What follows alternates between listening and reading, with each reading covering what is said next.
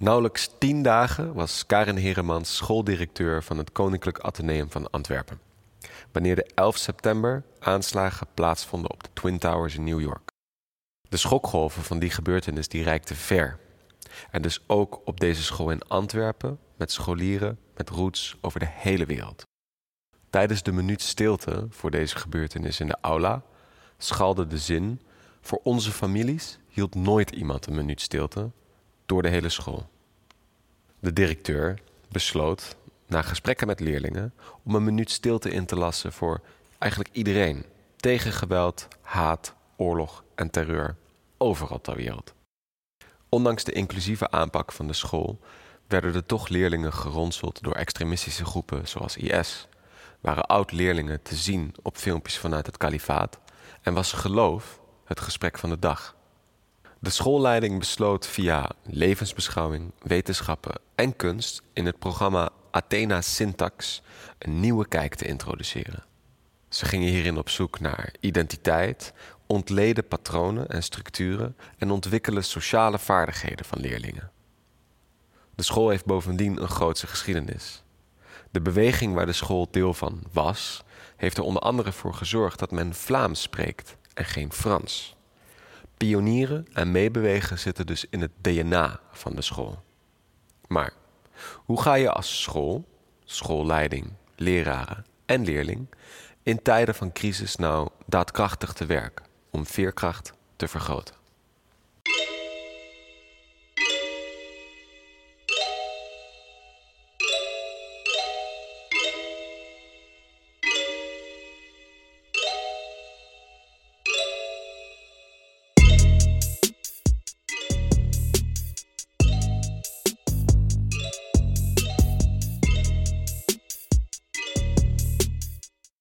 Welkom allemaal um, bij de Platform Jep podcast.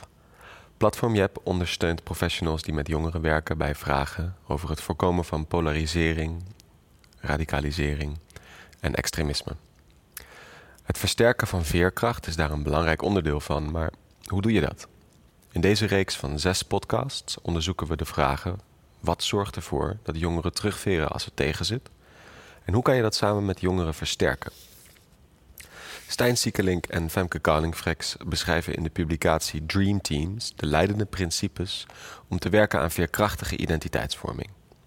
Die ontdekten ze in zes steden door goed te luisteren naar de jongeren en professionals. Elke aflevering belichten we één initiatief en horen jullie de jongeren en de professionals zelf. We spreken mensen die leven en werken op plaatsen die anders misschien onderbelicht blijven, maar waar we hele waardevolle lessen kunnen leren. Mijn naam is Simon Maait. We zitten in Concertgebouw de Vereniging in Nijmegen. En tegenover mij zit de gast helemaal uit Antwerpen. Welkom. Jullie, Karin. Hebben jullie een goede reis gehad? Ja hoor, het was, ja. Lang, warm? Of was het dat ging. Dat ging, dat ging. Nou. Gekoelde auto. oh, dat is fijn. Nou, hartstikke welkom. Um, ik kan jullie graag uh, introduceren, maar ik, ik heb eigenlijk liever dat jullie dat zelf doen. Rudy, mag ik bij jou beginnen? Wel, ik ben uh, oud-leraar aan uh, het Koninklijk Atheneum van Antwerpen. Uh, en ik heb de laatste tien jaar van mijn schoolse activiteiten bezig gehouden met het Athena Syntax project, waar ik zo wat coördinatie van doe. Helder. En mevrouw? Ik ben Karin Heremans en ik ben sinds 2001 directrice van het GEO Koninklijk Atheneum in Antwerpen, een school in het hartje van de stad met uh, heel veel culturen en nationaliteiten. Kansarme leerlingen ook. Um, en ik ben halftijd sinds de aanslagen in Parijs um, beleidscoördinator preventie radicalisering voor het gemeenschapsonderwijs. En ik ben ook vijf jaar werkgroepleider um, RAN Education geweest, Radicalization Awareness Network Europe. En ik ben nu RAN-ambassadeur voor België. In die zin link ik eigenlijk ja, de, de dagelijkse praktijk aan verschillende beleidsniveaus en omgekeerd rond deze thematiek. Helder. Ja, we gaan het vandaag denk ik hebben over, over die dagelijkse praktijk. Het kwam net al voorbij. Het, het, Athena Syntax programma hebben jullie um, opgezet. Dat vindt plaats bij jullie op school. En zou, zouden jullie me, me kort kunnen meenemen in. Um, nou, wat, even kort wat de gedachte daar, daarachter was. Want ik, ik hoorde het al zeggen, veel culturele verschillen. Maar ook Athena Syntax is heel erg cultureel geladen, kijkt heel erg naar identiteit, positieve identiteitsvorming. Mhm. Maar hoe, ehm, wat was jullie gedachte daarachter? Ja, we zullen elkaar misschien een beetje Ja. aanvullen. Hè?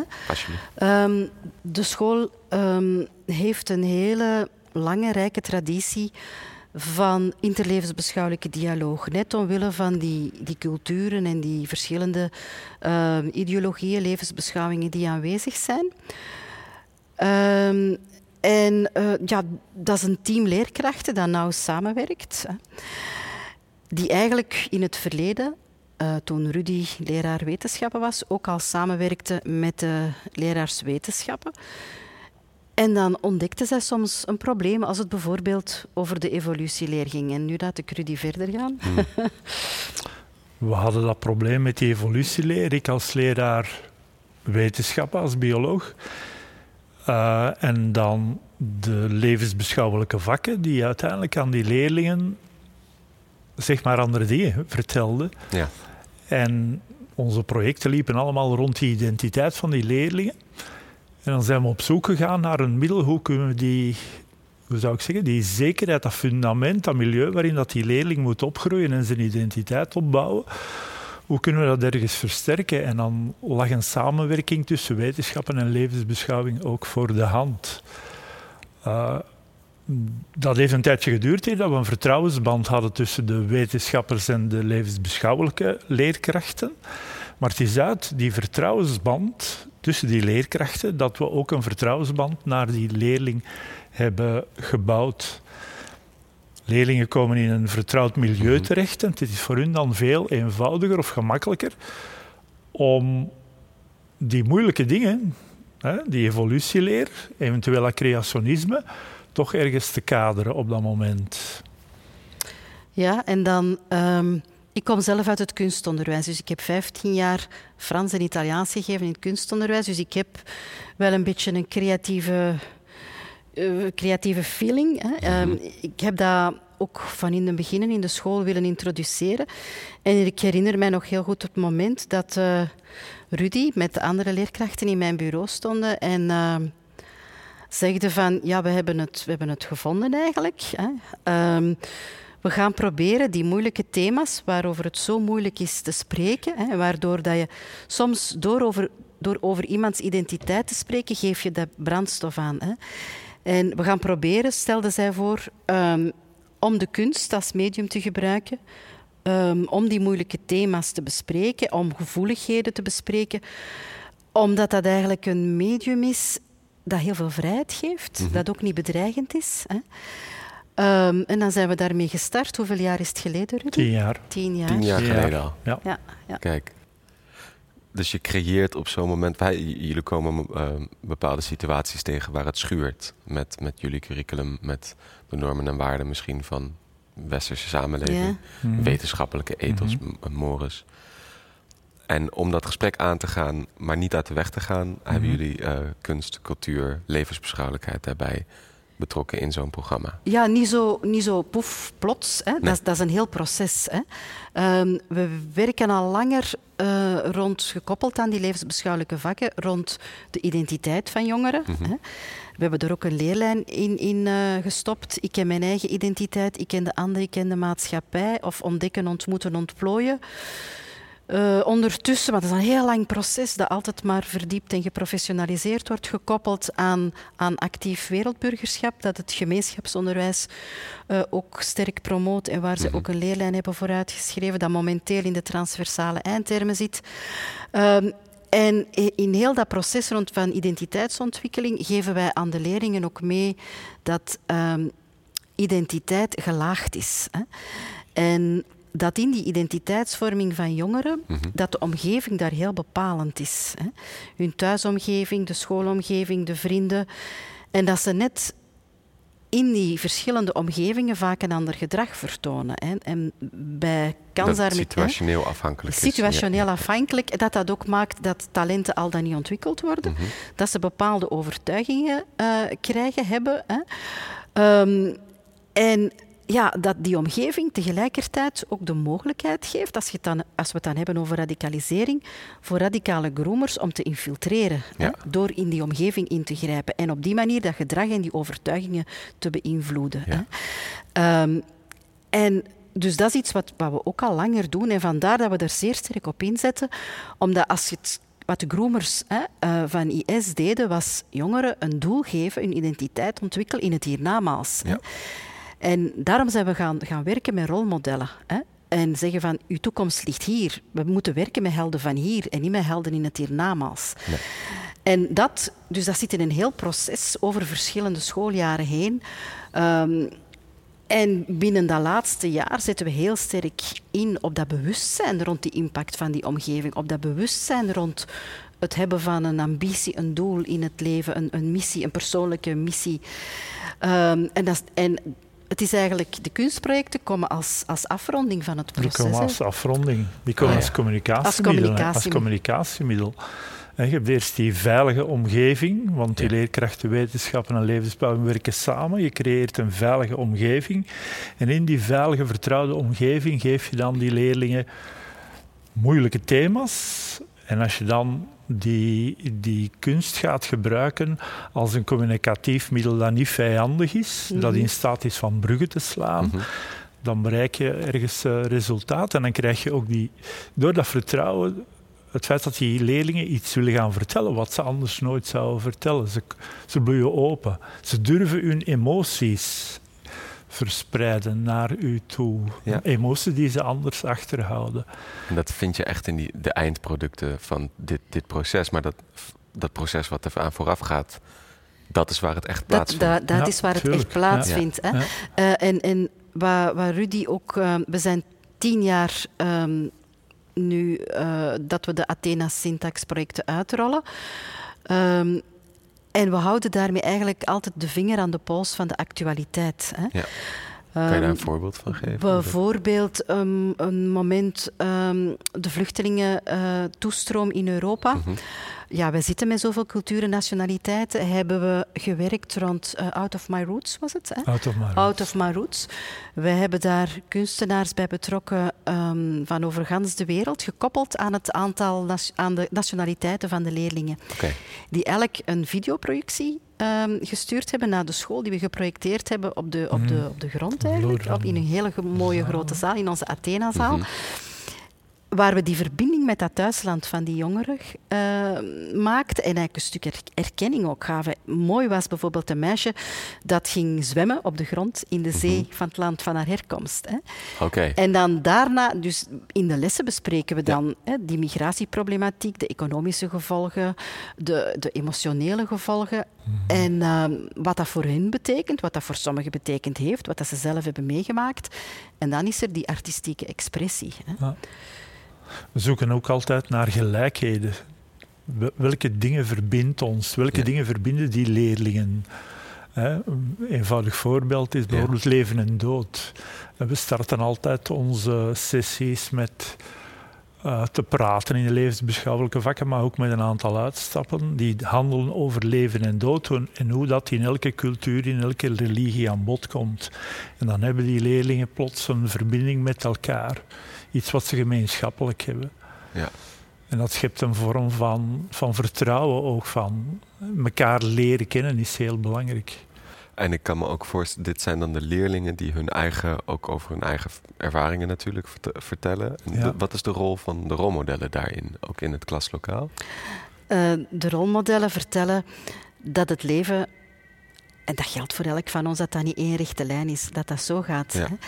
En uh, men weet, leerlingen weten dat soms niet, dat ook die leraar of die, die directeur, hè, mm -hmm. uh, dat die uh, af en toe wel wat moeilijkheden gehad ja. uh, hebben in hun leven en dat ze die moeilijkheden hebben moeten overbruggen. Hè, ja.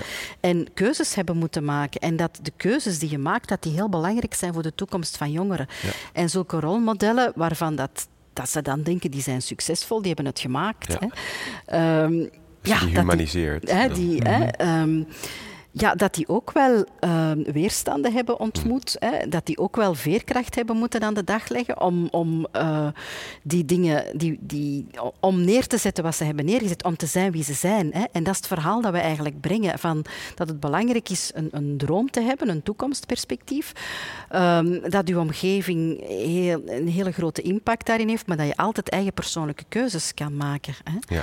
Uh, dat, is een, dat is een heel belangrijke boodschap. Een van de eerste dingen die bij mij naar binnen komt, dus als ik, als ik kinderen theater zie doen, zie dansen of zo, ja, dan had je bij ons op de middelbare school echt niet hoeven te proberen. Je werd uitgelachen als je, als je dat wilde, wilde introduceren. Maar hoe zijn deze kids zo ver gekomen om je zo enthousiast aan mee te doen? Er zit natuurlijk een traditie reeds achter. We doen dit al tien jaar. Ja. En we hoeven daar ook geen reclame meer voor te maken. Leerlingen zeggen dat aan elkaar voort. Volgend jaar mag je mee in hè, die kunstworkshops gaan aantreden. Het is ook zo dat zij zelf kunnen kiezen welke workshops zij volgen. Juist. En dat is wel belangrijk, denk ik, dat ze op dat moment ook durven zich die emoties te laten uiten, die expressie laten gebeuren. En hoe hard als school trek je daaraan? Hoe, zeg maar, hoe is dit tot stand gekomen dat je ze op dit punt hebt kunnen krijgen dat er zo'n intrinsieke motivatie zit? Door, denk ik, heel sterk te verbinden. Door het proces dat eraan vooraf gaat. Hè. Door um, de teamwerking met de leerkrachten. Mhm.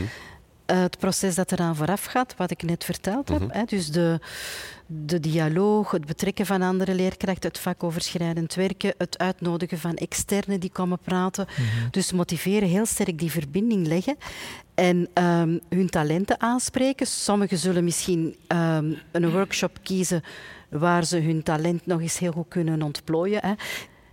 Radicale groomers um, richten zich ook op het limbisch systeem, op de emotie in de hersenen. Dus het tegenverhaal moet zich ook op die emotie richten. En dat gebeurt maatschappelijk veel te weinig. Ah ja. Want denk ik. Dat, is, dat gaat hier natuurlijk ook wel aan vooraf. We hebben het hier over veerkracht. En we hebben het inderdaad over groomers. Dus dat is nogal zware materie die vooraf zit. Maar dan is die verbinding heel belangrijk die je creëert door die, die kunst erbij te halen. Kunst kan verbindend werken tussen al die leerlingen en hun leerkrachten. Want het is niet alleen de verbinding tussen leerlingen, maar ook die leerkrachten. Dat schept dan het vertrouwen en dan ja. Nee, hebben die groepen minder kans natuurlijk, want je vormt een hechte gemeenschap binnen de school. In één hecht team van leerlingen en leerkrachten die in dialoog gaan, waar heel weinig autoriteit is. Mhm. leerlingen durven te praten bij ons op school. Ook die kunstenaars worden voorbereid. Hè? die worden voorbereid. Nu, elk jaar krijgt uh, dat project een andere, een andere grote paraplu, om het zo te zeggen. Dit mhm. jaar was de Out of the Ordinary. Hè?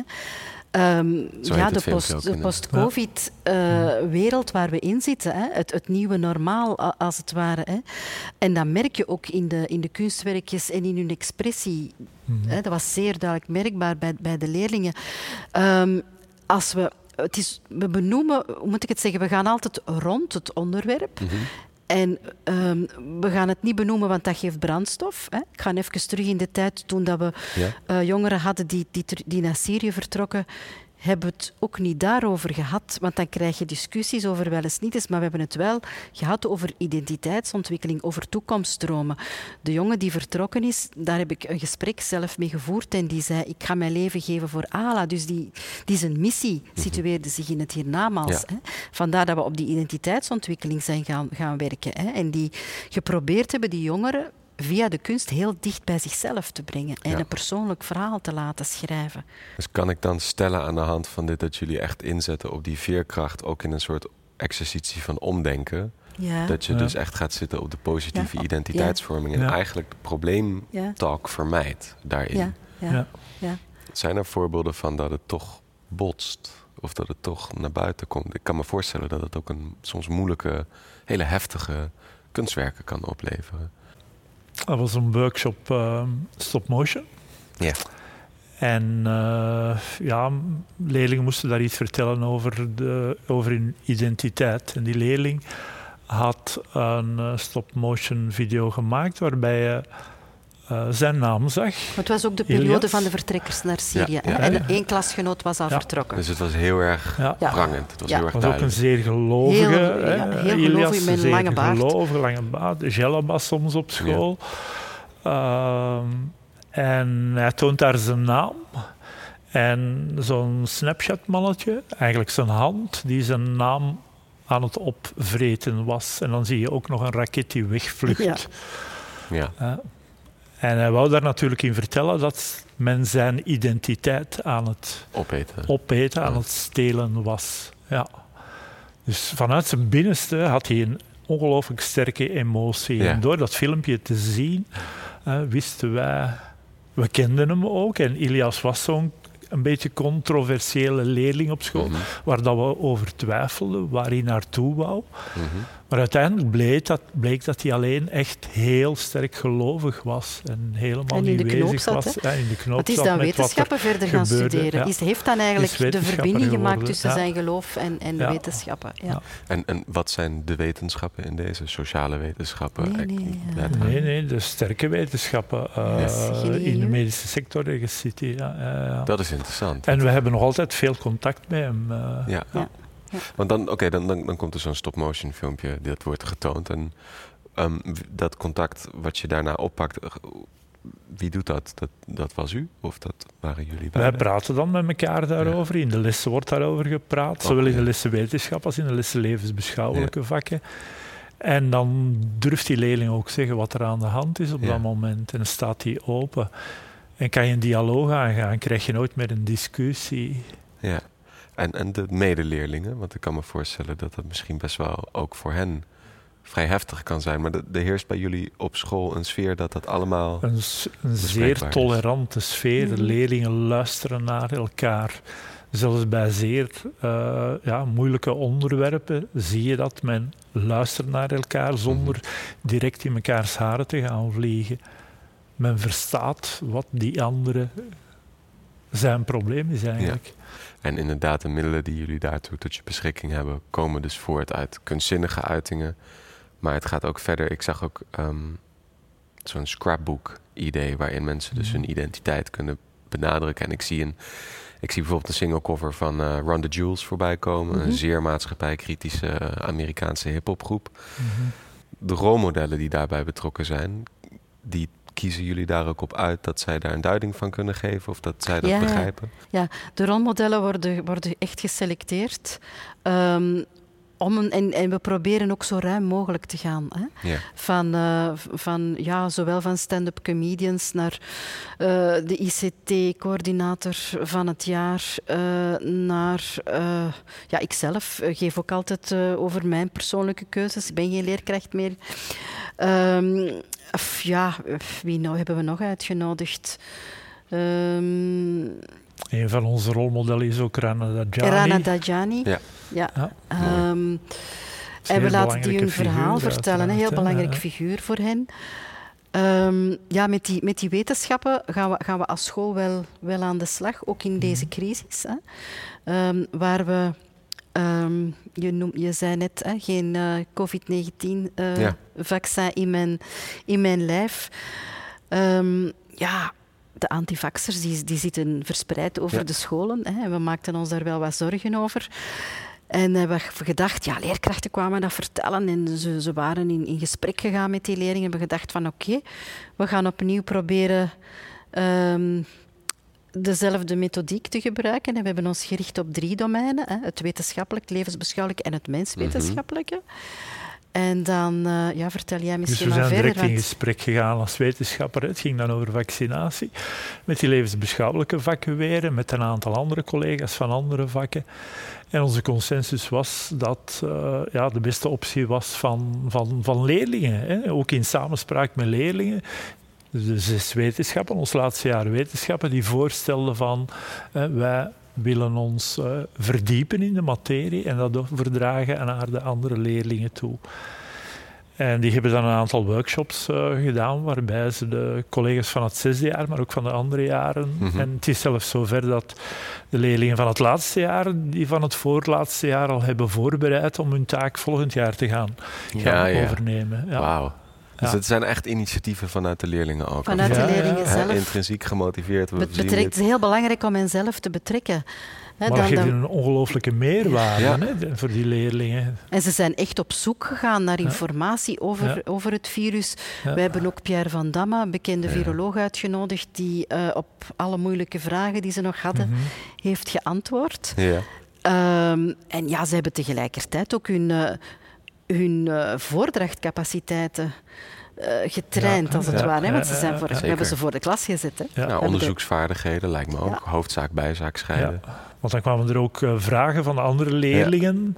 En dan was ik zelf verbaasd met de know-how dat ze antwoorden gaven op die toch wel niet altijd makkelijke vragen van leerlingen die zich niet direct wouden vaccineren, maar hoe, ze zeer adequaat op een antwoord konden formuleren. Dus als leraar leer je daar ook nog ja, wat tuurlijk. over. Fantastisch. Ehm, ik, ik ben eigenlijk nog, nog wel benieuwd naar ehm, twee dingen.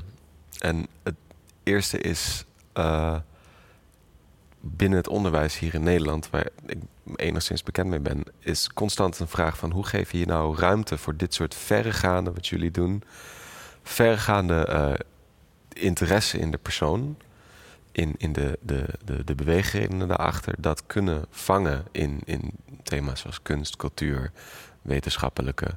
En eigenlijk veel vrije ruimte, merk ik hier, veel tolerantie.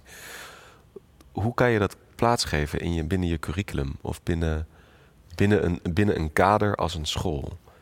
Um, door er denk ik als leidinggevende van overtuigd te zijn dat er heel veel eindtermen hè, of doelen hè, bereikt worden door over de vakken heen te werken. Soms veel meer dan, vak, door, soms veel meer dan, dan door mhm. enkel uh, als, als leraar uh, solo voor, voor de klas te staan. Hè? En door daar de ruimte voor te creëren, want die leerplannen die bieden echt wel die ruimte ja. om dat te doen. Um, door die structuur, die klassieke schoolstructuur, te durven doorbreken en thematisch te werken, hè?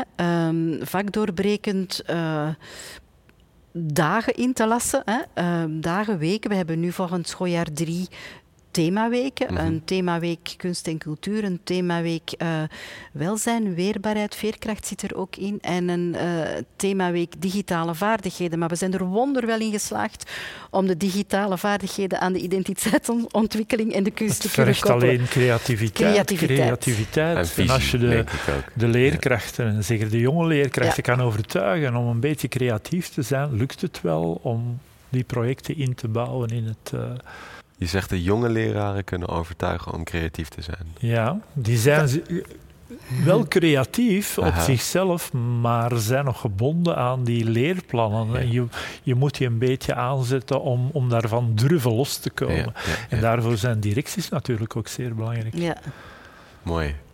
Het is belangrijk dat we dat... Uh, dat is ons beider droom, denk ik. Hè, dat... Uh,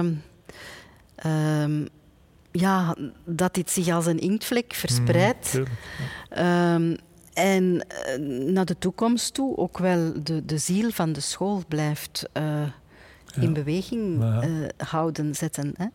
Vandaar dat we dat proberen te verspreiden en heel veel jonge mensen proberen op te leiden daarin. Ja. En hoe zou je die ziel dan beschrijven, kort? Sorry. Ja, nee. Um, Um, door in verbinding te gaan met de jongeren en hen te erkennen in wie ze zijn en, en hun talenten uh, de ruimte te geven, hun talenten, hun, hun, identiteit de ruimte te geven om te vallen, te ontplooien en, en daarmee te mogen worstelen op school. Denk dat en dat mogen spelen ook. En mogen spelen. ja. ja. ja. Mm -hmm.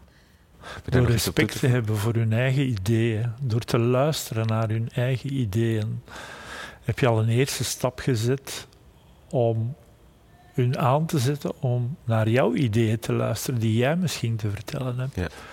Je creëert een dialoog op die wijze en dat, je creëert vertrouwen. Ja. Je gaat uit van wat, heb, wat verbindt ons. Dat zijn zo'n belangrijke thema's, denk ik, om, om zoiets te realiseren binnen een school. Een, een, een heel mooi recent resultaat, hè, omdat je toch begint met... Allee, mijn carrière in, in die school is begonnen tien dagen na 11 september. Um, met de bewuste minuut stilte. Hè, is um, vrij recent um, Israël-Palestina leerlingen, zoals wij allemaal, die naar die beelden op televisie hebben gekeken, die enorm geraakt waren. Mhm. Waar ehm, leerlingen zelf aan mij komen vragen, hè, de school met de traditie van de stilteminuten, van kunnen we een minuut stilte houden? Ehm, want we zijn geraakt door wat we gezien hebben. En er kwam onmiddellijk achter, maar mevrouw, je moet zich geen zorgen maken hoor, want we gaan dat opentrekken.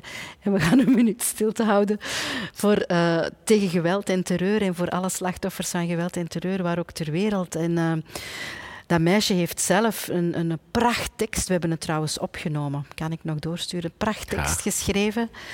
Ehm, die ze voor gans de school gebracht heeft. Dus terwijl had ik in het verleden zelf als directeur de speech hield, heeft nu een van de leerlingen eh, de speech voor de rest van de school gehouden. Dus dat was zeer knap. Ik, eh, ik zie het helemaal voor me en ik geloof het gelijk. Als ik, als ik hem, want we moeten, we moeten gaan Ja. afronden. Ik vind het heel jammer, want het gesprek eh, raakt mijzelf ook door. Mhm. Om allerlei redenen. Maar als ik iets kan vangen over wat is nou veerkracht versterken binnen een school? Hoe, welke middelen heb je tot je beschikking? Wat is Athena syntax? Hoe, hoe valt dat daarin? Dan, dan zou ik het ehm, proberen te vangen binnen. Het begint bij visie. Echt een visie en ook een Mhm. durf daarop. Niet durven, durven te gaan ook waar het pijn doet. Daarin beide posities kunnen bepalen en gelijkwaardigheid scheppen. Veiligheid. Durven worstelen, maar ook spelende wijs dat kunnen doen. Mm. Goede rolmodellen daarin plaatsen die ook goed gebriefd zijn, die ook goed Mhm. op de hoogte zijn. Maar het gaat echt om de leerling en diens identiteitsvorming. Ja. Dat Ja. voorop durven stellen en de kaders daarin ook achterwege durven laten. Ja. En het vermogen om, ehm, veerkracht is het vermogen om in moeilijke omstandigheden toch door te zetten en toch het mooie te Ja. blijven zien. Mhm. En dat, ja, dat hoor ik heel erg ook in die, de voorbeelden toch terug van het, de uitreizigers misschien. Mhm, Om dan ja. wat je nou net vertelt, dat daar geen, niet per se woede onder zit, maar streng geloof. En Mhm. daar ook, Ja. maar dat kan je anders situeren Mhm. door middel van dit soort dingen ook aan te bieden. Ja. Vang ik hem dan een beetje voor Ja, jullie? ja. Volgens mij wel. Nog iets toe te voegen daarop? Nee, ik denk het niet. Dan dank ik jullie hartelijk voor jullie tijd, jullie mooie woorden. En eh, het inspireert mij. Ik hoop jullie eh, ooit nog een keer eh, dat onze paden mogen kruisen. Ehm, dan aan de mensen thuis. Mocht je nou geïnspireerd zijn, zoek vooral eh, de beste mensen op. Kijk eens op het, eh, de, de filmpjes die voor, voorbij komen over Athena Syntax. Ik wil jullie bedanken voor het kijken naar ehm, de podcast van Platform Jep. Zoek ons vooral op op LinkedIn, YouTube. Mocht je nou iets toe te voegen hebben of vragen hebben, stuur die vooral in. Dan zullen wij die behandelen. En ook voor jullie, ik hoop dat onze paden ooit kruisen. Maar voor nu dank ik jullie hartelijk. Dank jullie wel.